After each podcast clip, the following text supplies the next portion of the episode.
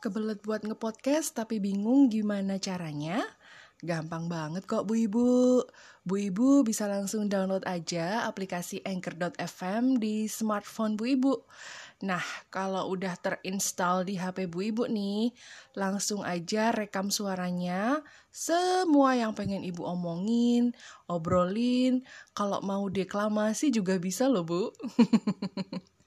nah, kalau udah, tinggal edit deh audionya. Terus langsung publish deh podcastnya. Gampang kan? Poin plusnya nih, bisa langsung publish ke platform podcast kayak Spotify dan masih banyak lagi. Jadi, tunggu apa lagi? Cus! Download Anchor FM sekarang juga gratis 100%. Dan langsung deh bikin podcast kamu segera.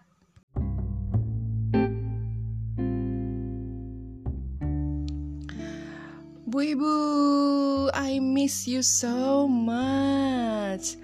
And I think this time it feels forever when you're not here, Bu Ibu. Assalamualaikum Bu, apa kabar? Eh nggak kerasa udah ganti bulan ya. Mudah-mudahan Bu Ibu always be fit and healthy. Karena ternyata ganti bulan ganti juga cuacanya ya beberapa teman bu ibu saya ada yang tumbang sakit uh, meriang greges-greges gitu. Malah ada yang sampai dirawat di rumah sakit juga karena cuaca yang sedikit nggak menentu ternyata ngaruh juga ke imun tubuh. Ya jadi bikin ngedrop gitu. Di awal bulan ini juga kita kok kayaknya disuguhi berita-berita yang wow beneran bikin ngedrop juga ya. Bu Ibu tetap di sini ya, bareng aku Ibu Inung di podcast Bu Ibu.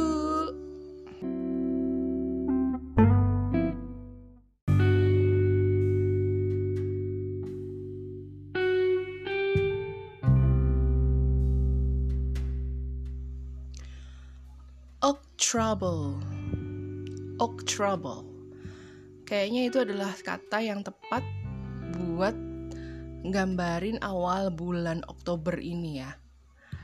Setelah bulan lalu kita digempur abis-abisan sama berita-berita yang berpotensi bikin hipertensi, bikin bulannya jadi September, bukan September. Eh, sekarang di awal bulan banyak berita yang gak jauh-jauh juga sama kejadian yang relate sama trouble. Hmm. Bu Ibu pasti shock banget ya denger ada kisah tragedi penyanyi dangdut Lesti Kejora yang ngelaporin suaminya Rizky Bilar ke polisi karena kasus kekerasan dalam rumah tangga alias KDRT. Yang jelas seisi Indonesia itu dibikin shock, nggak percaya berita itu benar adanya. Kenapa? Ya karena pasangan yang bisa dibilang Indonesia sweetheart gitu ya, tiba-tiba diguncang prahara rumah tangga gitu yang nggak main-main kasusnya KDRT. Si Bilar itu dikabarkan mencekik dan membanting Lesti karena Lesti merasa dikhianati sama Bilar karena katanya Bilar ketahuan selingkuh. Bilar yang emosi terus ngelakuin kekerasan fisik ke Lesti dan kabarnya dari hasil visumnya itu ada mata bengkak, tenggorokan bergeser dan masih banyak cedera lainnya. Siapa sih yang gak kaget denger ini. Semua orang kan jadi langsung ngebayangin ya seorang Lesti yang dikenal lemah lembut, manja gitu kan kalau ngomong. Terus tubuhnya mungil imut gitu dibanting. Ya terlepas bener enggaknya kejadian yang dialami karena sekarang ini masih tahap penyidikan ya tapi tetap aja yang namanya KDRT itu nggak dibenarkan. Lalu, setelah berita pasangan Leslar ini masih jadi obrolan semua warga plus 62 disusul sama berita tragedi kerusuhan pertandingan sepak bola di Malang. Ada 129 orang meninggal dunia akibat kerusuhan pasca pertandingan Arema FC versus Persebaya di Stadion Kanjuruhan Malang. Kerusuhan itu dipicu sama supporter Arema yang nggak terima kalau tim idolanya itu kalah di kandang. Lalu ngeringsek deh mereka ke tengah lapangan. Dan akhirnya ujung-ujungnya chaos. Dan akhirnya ini bikin pihak kepolisian yang berjaga di stadion gitu harus ambil tindakan. Tapi tindakannya yang sebenarnya ingin meredakan kericuhan yang diambil itu adalah tindakan melemparkan gas air mata ke arah penonton. Nah, tindakan ini justru berubah jadi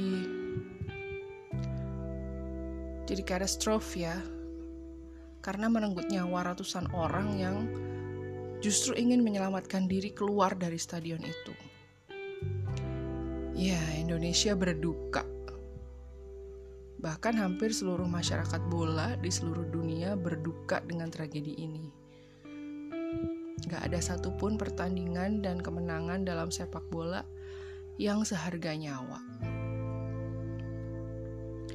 Eh, gak lama setelah berita kanjuruhan ini masih menghiasi breaking news di TV dan masih jadi hot trending di medsos, ada lagi berita yang mengejutkan lainnya. Tahu dong pasangan artis Baim Wong dan Paula Verhoeven yang biasa dikenal sama namanya itu Mbak Pau. Mereka berdua itu upload video baru di channel YouTube-nya dengan konten berupa prank kepada pihak kepolisian. Jadi ceritanya si Paula ini akan pura-pura bikin laporan ke polisi perihal kasus KDRT. Nah, pas udah mau diproses, si Baim ini ujuk-ujuk muncul dan ketawa-ketawa gitu. Bilang ke polisinya kalau mereka cuma bercanda dan nggak ada apa-apa, nggak KDRT apa pun. Ini parah sih menurutku. Sakit ya mereka ini ya. Jiwanya, mentalnya. Kayak seolah-olah seolah-olah tuh mereka tuh kayak nggak punya nggak punya apa ya nggak punya empati gitu loh sama sekali ke temen sama artis yang baru aja jadi korban KDRT si Lesti maksudku. Kok bisa-bisanya ya mereka bikin konten kayak gitu? Astagfirullahaladzim Meskipun kemudian videonya di take down karena reaksi netizen itu sangat menggila ya, banyak yang mengkritik abis-abisan aksinya Bapau ini dan uh, Bapau sendiri udah minta maaf ke polisi, tapi akhirnya tetap kena pasal juga kan, karena ada pihak yang langsung laporin mereka dan mereka kena pasal laporan palsu. Well, All I can say, silakan lanjutkan prosesnya Pak Polisi, karena KDRT itu nggak main-main. Aku bisa ngomong gini karena jujur aku pernah menjadi orang yang terlibat dalam kasus KDRT. Terlibat sebagai saksi mata aksi KDRT dan sebagai uh, I don't know what to call. Aku aku nolongin nolongin korban KDRT gitu. Aku mau cerita nih ibu-ibu, and this is real story. Kejadiannya sih udah agak lama ya, uh, sekitar bulan Mei tahun ini. Uh, cerita pengalaman yang nggak bakalan aku lupain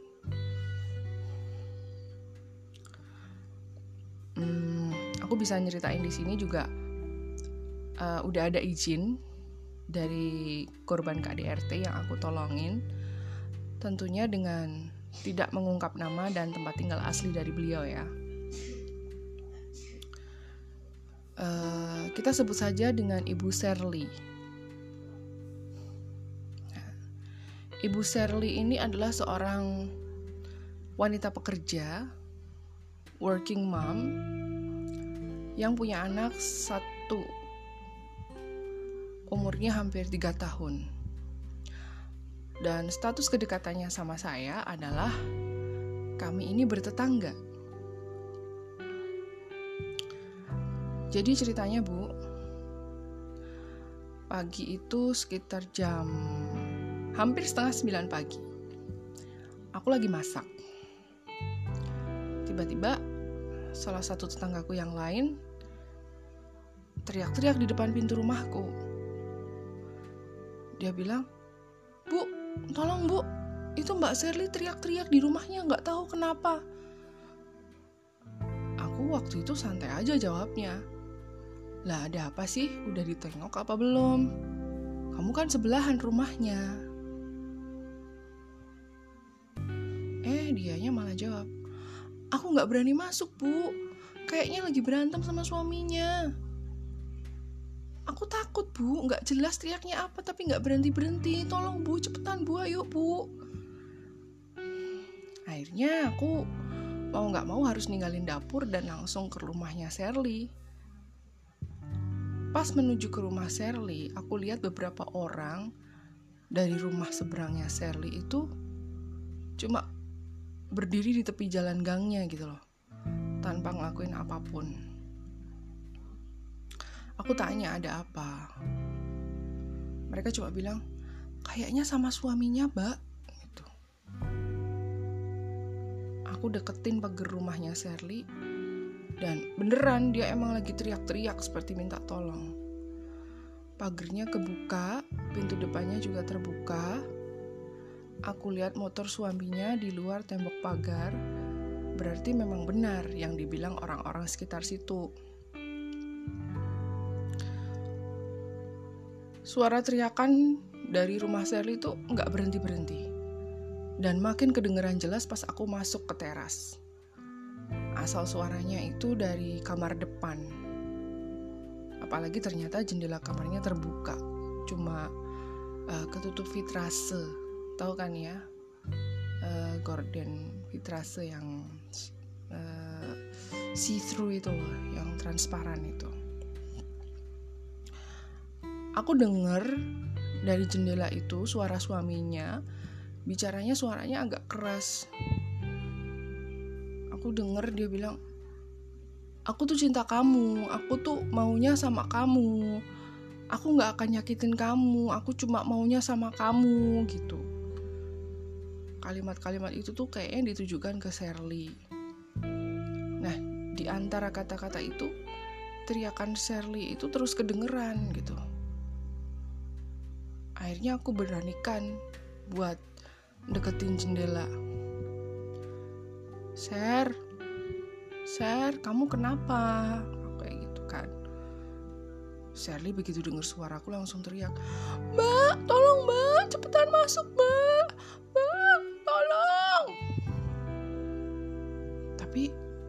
lalu suaminya bilang jangan mbak. Jangan masuk. Ini urusan rumah tangga. Ini urusanku sama Sherly. Jangan mbak. Gitu. Sally teriak lagi mbak cepetan mbak tolong. Gitu. ya jujur aku ragu-ragu waktu itu. Aku juga juga ngerasa takut ya ngadepin kayak gitu. Tapi teriakan Sherly itu nggak berhenti berhenti gitu loh lalu aku buka sedikit vitrase dari celah jendela yang kebuka itu. Aku intip dan astagfirullahaladzim aku kaget sama apa yang aku lihat gitu loh. Posisi tubuhnya Sherly itu udah telentang. Kakinya sedikit uh, terangkat kayak posisi mau melahirkan gitu. Sementara suaminya ada di sebelah kirinya tangan kanan suaminya itu megang kepalanya Sherly tangan kirinya uh, mencengkram tangannya Sherly sampai Sherly itu nggak bisa gerak gitu terus rok panjang yang dipakai Sherly itu udah keangkat sampai ke paha. Sherly teriak-teriak terus dan aku juga denger anaknya nangis kenceng banget. Tapi entah di mana posisinya si anak batita itu aku nggak bisa lihat dengan jelas gitu. Aku makin dak dikduk bu, jujur gitu. Tapi aku akhirnya beraniin masuk lewat pintu depan. Ya, masih dengan mengedepankan adab masuk rumah orang lain ya aku assalamualaikum dulu dong gitu assalamualaikum sir aku masuk ya. Bilang kayak gitu.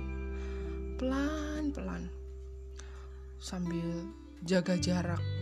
Maksudnya aku tuh jujur takut bu waktu itu ngadepin kayak gitu. Takut salah langkah. Eh takut dia papain juga sama yang lagi emosi gitu. Takutnya tiba-tiba suaminya keluar gitu kan. Uh, entah bawa senjata atau enggak intinya aku takut aja gitu. Tapi tapi aku tetap harus masuk buat nolongin Sherly. Sampai akhirnya aku ada di depan pintu kamarnya Sherly ya. Pintunya kebuka. Aku bisa lihat jelas posisi mereka ber belum berubah sedikit pun. Suaminya lantang bilang, Mbak, ini urusan keluarga, urusan rumah tangga, Mbak nggak usah campurin. Tapi ibu-ibu, dikata udah terlanjur aku nyebur ya, biar basah sekalian lah. Aku lihat anaknya tuh nangis ketakutan lihat bapaknya. Lalu Sherly masih nangis teriak-teriak, tolong, tolong mbak, tolong mbak, gitu.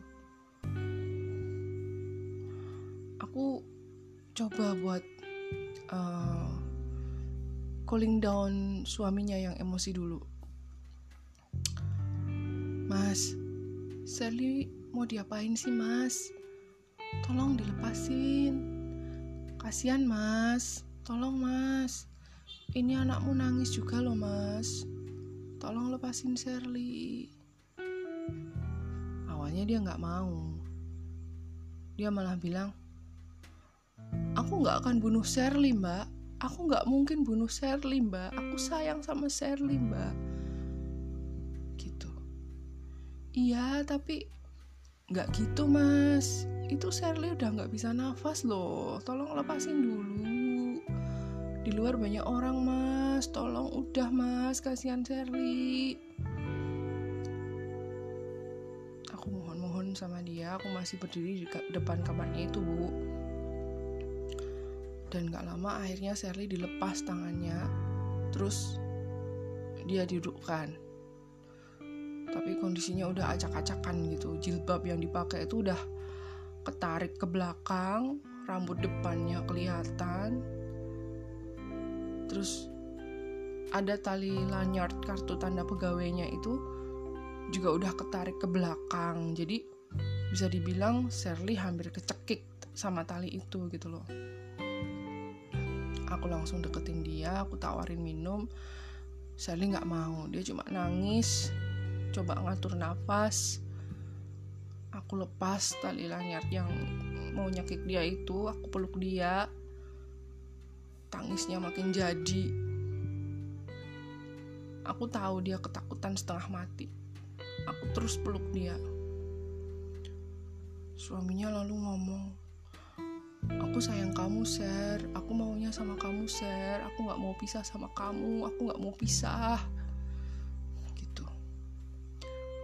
Tapi Sherly nggak peduli. Aku ajak Serdi pindah ruangan sebenarnya tapi dia kayak kehilangan tenaga gitu lemes. Tangan sama kakinya tuh gemeter gitu. Aku coba buat nutupin pahanya yang kebuka tadi ya. Dan tuh nangis kenceng nggak berhenti berhenti dia manggil ibu ibu gitu. Sementara ibunya masih shock gitu.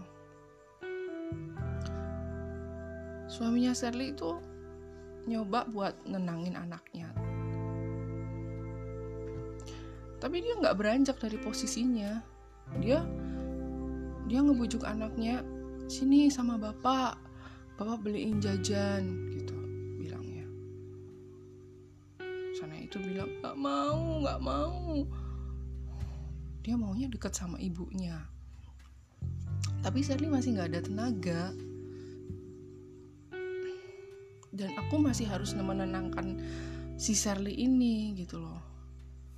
Dan gak ada seorang pun seorang pun tetangga lain yang masuk setelah aku. Jadi aku benar-benar di situ bareng Sherly suaminya si pelaku KDRT itu dan anak Sherly yang masih nangis-nangis tuh si anak Batita itu lalu deketin Sherly. Aku coba tenangin dia, tapi dia maunya peluk ibunya gitu. Nah, pelan-pelan Sherly menyadari kalau anaknya butuh perhatiannya. Lalu dia mulai nyari-nyari HP-nya yang ternyata sempat kelempar dan ngeletak di ujung kasur gitu. Pas sudah ketemu Sherly berniat buat nelpon keluarganya. Nelpon kakak ke kakak tertuanya buat dateng. Nah tahu kalau Sherly mau nelpon kakaknya suaminya itu langsung bilang jangan share jangan telepon kakakmu share ini urusan kita berdua share jangan telepon. Tapi Sherly nggak peduli. Dan akhirnya suaminya itu kayak orang ketakutan memutuskan buat pergi. Ya udah ya udah aku aja yang pergi. Aku pergi sekarang tapi aku nggak mau pisah tolong cabut berkasnya. Ngomongnya kayak gitu.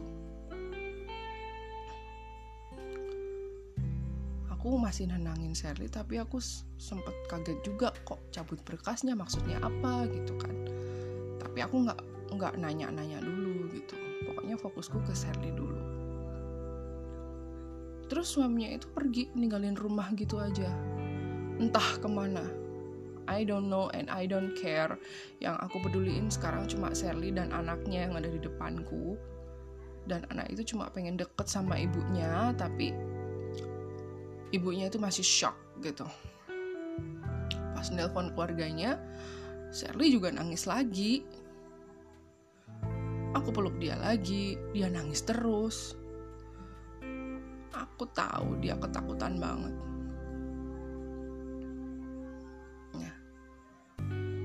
Anaknya mulai mulai berhenti nangisnya itu pas dikasih video-video YouTube gitu. Tapi dia nggak mau jauh dari ibunya, dia maunya masih nempel ke Sherly. Ya wajar lah ya, dia masih batita gitu, harus ngelihat semua kejadian tadi kan ketakutan juga ya. Dia lihat dengan mata kepalanya sendiri loh. Apalagi itu dilakuin bapaknya ke ibunya sendiri kan. Bayangin mentalnya anak itu bakalan jadi kayak apa. Memorinya tentang bapaknya pasti kan jelek banget ya. Akhirnya dengan video YouTube yang dikasih ke anak itu, ya paling nggak jadi distraksi lah buat sekarang itu aku coba nggak bertanya macam-macam ke Sherly aku tunggu aja biar dia sendiri yang cerita kronologisnya. Tapi tetap sambil aku peluk aku seka air matanya aku tenangin dia. Aku sebenarnya pengen nangis bareng sama dia gitu pada saat itu tapi aku tahan. Karena aku harus kuat buat bisa nguatin dia sampai akhirnya adik laki-laki dan kakak laki-lakinya tuh dateng dan Sherly nangis lagi pas cerita kronologisnya ya siapa sih yang gak bakalan nangis ngeinget kejadian kayak tadi Lalu mereka memutuskan mencari keberadaan suaminya itu. Di mana? Nah, pas ibu sama bapaknya Sherly datang dan bisa ngehandle anaknya Sherly, Sherly mulai cerita ke aku. Jadi pagi itu ceritanya pas Sherly mau berangkat kerja, siap-siap nganterin anaknya buat dititipin ke rumah neneknya. Ternyata dia baru nyadar kalau lupa bawa masker. Akhirnya dia masuk lagi ke rumah, diikuti anaknya juga. Pas dia ambil masker di kamar, tiba-tiba udah ada suaminya di depan pintu kamar. Nah, for your information Bu Ibu, ternyata Sherly dan suaminya ini udah pisah rumah sejak bulan puasa. Dan mereka itu sedang dalam proses cerai. Sherly udah masukin berkas permohonan cerai sebelum lebaran. Nah, sejak itu Sherly udah gak ngizinin suaminya pulang ke rumah itu. Makanya pas tiba-tiba suaminya ada di depan pintu kamar, dia kaget banget. Sherly cerita, tiba-tiba dari depan kamar itu, dia didorong sampai jatuh ke kasur. Terus mau ada percobaan perkosaan dengan cara fingering. Sherry ngaku uh, dia nggak dipukuli atau dianiaya apa pun, cuma jari suaminya itu masuk dengan kasar ke area kewanitaannya gitu. Jangan dibayangin ya bu. Sherly yang udah bulat tekadnya buat gugat cerai suaminya, ya of course dong menolak buat berbaikan apalagi berhubungan suami istri kayak dulu dan akhirnya terjadi deh tragedi tadi Bu Ibu pasti paham ya bahwa salah satu hal yang biasa dilakuin pada saat foreplay di hubungan suami istri itu salah satunya adalah fingering. Tapi kalau salah satu pihak nggak suka, nggak konsen alias menolak, tentu nggak akan terjadi foreplay. Kalau ternyata dilakuin dengan paksaan dan pihak perempuan ngerasa disakiti, dirugikan, ini udah namanya kekerasan seksual. Apalagi ini kepada istri sendiri. Udah jelas lah kekerasan seksual dalam rumah tangga. Selama proses penenangan diri Sherly Sherly cerita ke aku. Jadi ceritanya dia gugat cerai suaminya karena suaminya ketahuan selingkuh dan selingkuhnya udah sampai ke tahap hubungan seks. Buat Sherly itu adalah suatu hal yang gak bisa dimaafkan, makanya mau cerai aja. Sherly udah punya pengacara yang siap backup dia untuk urusan cerai ini. Sherly lalu ngaku ke aku kalau sebenarnya ini tuh kedua kalinya suaminya berbuat kayak gini. Dan ini dilakuin setelah pengajuan berkas permohonan cerai. Yang pertama, katanya dulu hampir diperkosa juga tapi di dapur. Waktu Sherly teriak, gak ada yang nolong. Karena posisinya saat itu di dalam rumah yang semua jendela dan pintunya tuh tertutup dan terkunci dan posisi dapur itu kan di belakang. Jadi hampir mustahil hampir nggak ah, nggak bisa kedengeran sampai luar lah kalaupun Sherly itu teriak gitu. Menurut Sherly juga kenapa suaminya kok bisa berbuat kayak gitu karena suaminya itu yakin kalau bisa bikin Sherly hamil selama pemberkasan cerai ini, permohonan cerai itu akan gugur dengan sendirinya. Kan kalau lagi hamil nggak boleh diceraiin kan? Aturannya kan gitu. Suaminya itu nggak akan mukul atau ngelukain dirinya karena pasti ada bekasnya. Dan suaminya itu tahu itu akan jadi bukti Shirley untuk mewajarkan dirinya minta cerai. Suaminya itu nggak mau bercerai dari Shirley, tapi katanya juga sayang sama selingkuhannya itu. What? Aku dengar cerita dari Shirley tuh unbelievable gitu loh laki-laki ya maunya menang sendiri gitu kan. Pengen banget aku ngumpat-ngumpat bu saat itu bu. Tapi aku sadar nggak etis di depan Sherly yang napasnya aja masih separuh-separuh.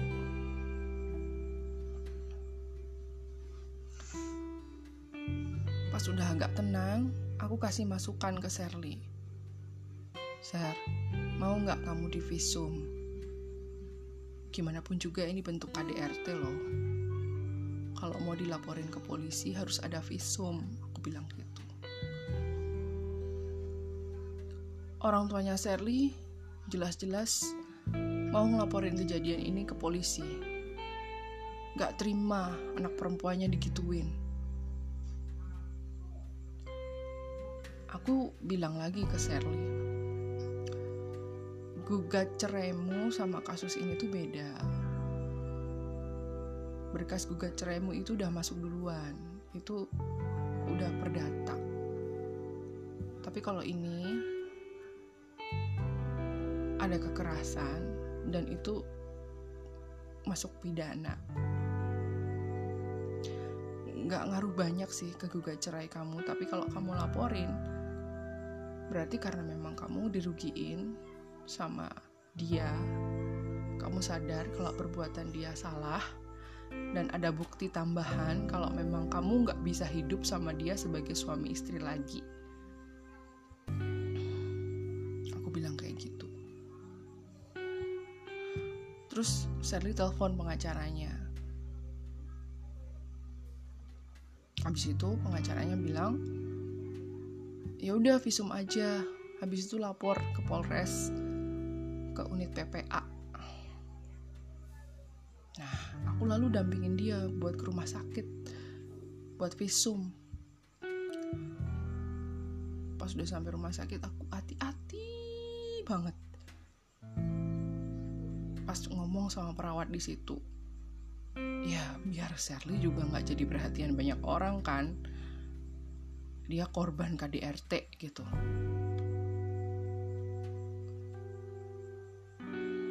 Sherly yang waktu itu jalannya jadi agak terseret. Lalu ngejalanin visum di ruangan khusus dengan dokter dan bidan. Karena berhubungan sama bagian kewanitaannya kan. Lumayan lama juga nunggu hasil visumnya. Pas sudah kelar Sherly cuma cerita kalau uh, dokter tadi bilang vaginaku lecet agak berdarah sedikit. Terus pas periksa bagian-bagian lain itu bibirnya aku sobek sedikit gitu. ya aku dalam hati mau itu sedikit atau banyak tetap aja nyakitin kan. Perih di bagian yang luka dan bikin trauma yang pasti Dari rumah sakit kami ke Polres buat bikin laporan KDRT. Langsung masuk ke unit PPA, pelayanan perempuan dan anak. Sherly langsung ditanya. Lalu Sherly nyeritain kronologinya. Udah gitu masih harus nulis kronologinya lagi di kertas berkas-berkas gitu.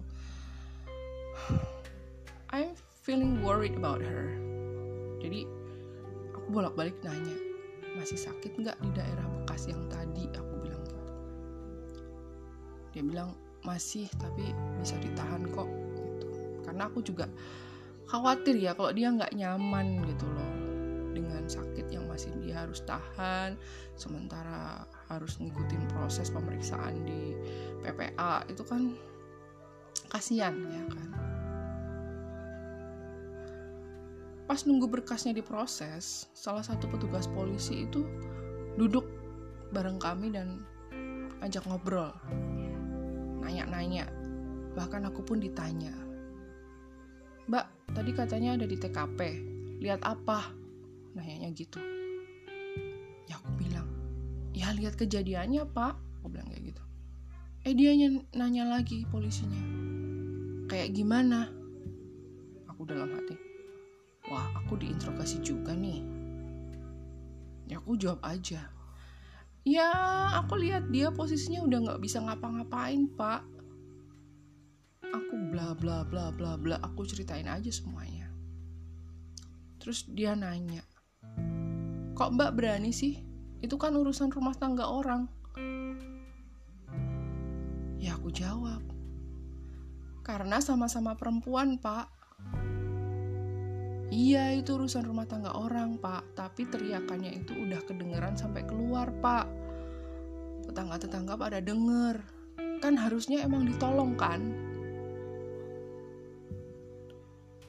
Si pak polisi ini kemudian malah ngomongin soal cerai Hak asuh Bla bla bla dan sebagainya. Yang katanya perceraian ini nanti berdampak ke anak, apalagi anaknya masih batita, anaknya masih butuh sosok bapak, anaknya apa nggak nyariin bapaknya nanti, bla bla bla bla bla. Dalam hati gue apaan sih nih pak? Kalau anaknya aja lihat langsung kelakuan bapaknya ke ibunya kayak gitu, yang ada malah anaknya trauma kan? Masa iya mau nyodor-nyodorin ke bapaknya? Maksudnya apa coba ngomong gitu? Biar Shirley mengurungkan niat bercerai. Lah, aku yakin Shirley juga nggak mau lah anaknya besar dengan bapak yang kelakuannya kayak gitu. Shirley lalu jawab si pak polisi ini. Kalau soal anak, saya mau dia ketemu bapaknya atau bapaknya mau ketemu anaknya, saya kasih izin kok. Tapi kalau anak saya benar-benar mau dan siap, saya nggak akan ngalangin mereka kok pak. Tapi selama anak saya masih bilang, bapak jahat, bapak jahat, berarti dia belum siap ketemu bapaknya. Bu ibu, kami perempuan-perempuan yang lapor dan mendampingi korban KDRT aja masih dapat perlakuan kayak gini. Karena orang yang benar-benar memihak itu bisa dihitung sama jari, Bu. Di rumah sakit harus ngomong dengan volume pelan pas minta visum. Karena buat jaga diri. Karena kalau kesebar mana yang habis di KDRT-in, orang-orang akan melihat korban dengan tatapan yang beda. Terus mulai kepo, ih kenapa ya kok bisa KDRT? Pasti kan kayak gitu. Di Polres, masih aja ada yang ngasih masukan kalau cerai nanti nggak bisa ketemu bapaknya nanti anaknya nggak dapat figur bapak dan sebagainya dan sebagainya. Yes we all know that nggak perlu segitunya kali ngomongnya. Ini urusan pidana ada kekerasan dari suami ke istri. Yang dilaporin harusnya bisa lebih empati dong. Tanya kek lukanya di mana bu? Sakitnya seberapa parah bu Suaminya udah ngobatin belum bu? Ibu ada yang nemenin gak abis ini? Ibu ada yang dampingin gak? Harusnya kan nanyanya kayak gitu ya.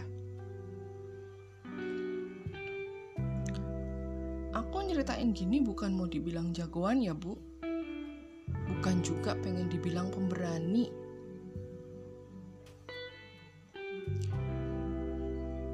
Malamnya setelah semua kejadian yang aku alami hari itu dan aku ketemu sama suamiku pas dia pulang kerja aku juga ceritain detail apa yang aku alamin dari pagi. Dan suamiku juga nggak muji-muji aku kok. Nggak bilang wah kamu hebat. Dia cuma bilang good. Cuma gitu doang aku ngelakuin semuanya tadi karena kita sama-sama perempuan. Aku bayangin seandainya aku yang di posisi Shirley tadi, pasti juga akan teriak-teriak minta tolong kan? Ya, meskipun aku yakin suamiku gak bakalan kayak gitu. selain itu karena ini kita itu tetanggaan kan? Kita hidup berdampingan tiap hari bahkan mungkin selamanya di lingkungan yang sama. Suara teriakan udah jelas kedengeran sampai luar pagernya mosok nggak ada yang mau nolongin. Kok cuma aku doang yang berani masuk? Tetangga kita sendiri loh ini ada yang nganggap kalau masuk rumahnya pas kejadian nanti dikira mau ikut campur urusan rumah tangga orang lain. Nanti dikira sok satria. Ah itu nggak etis. Ah nanti malah bikin relasi pertemanan antar tetangga malah jadi gimana gitu. Tapi ini kan udah jelas-jelas. Teriakan tolong itu kedengeran sampai rumah depan dan setelah aku masuk pun nggak ada juga warga lainnya ikut masuk. Minimal buat backingi aku kayak jadi aku juga nggak takut kenapa-kenapa di dalam gitu loh. Tapi nggak ada.